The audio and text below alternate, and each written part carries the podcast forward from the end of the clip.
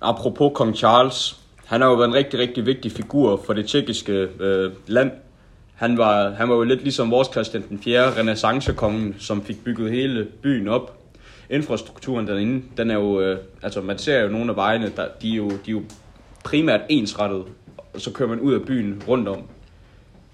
Han har, han har været virkelig vigtig også for at vedligeholde byen, tror I ikke det? Jo, Bestemt. Jo, helt sikkert. Vi så jo de tre øh, borge, de nærmest har bygget, de her tre vægge rundt om byen.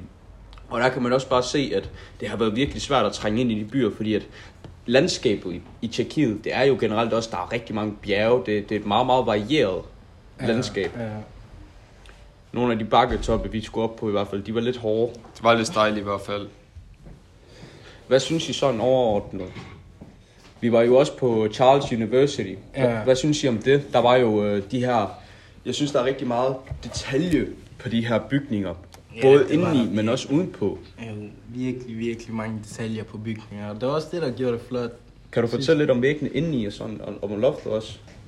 De var i hvert fald meget sådan, at det var sådan graveret i Ja. hånden øh, direkte, og der var lysestager og wow, altså man tænker bare virkelig, jeg er lige rejst tilbage i tiden, da der var man var derinde.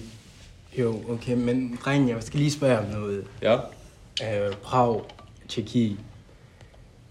Vil I anbefale det til jeres venner og familie, for eksempel?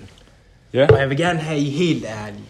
jamen, Hånd på hjertet. altså det ville jeg faktisk. Øhm, men, men ved I hvad der er? Fuck, altså virkelig irriterende. At de, de kunne ikke engelsk dernede. Men bro, Det kan du heller ikke. Nej, nu, okay, nu skal jeg vise jer. Resten af podcasten, vi tager den på engelsk. Det er en aftale. Men før det, så skal vi lige have en pause. It's on.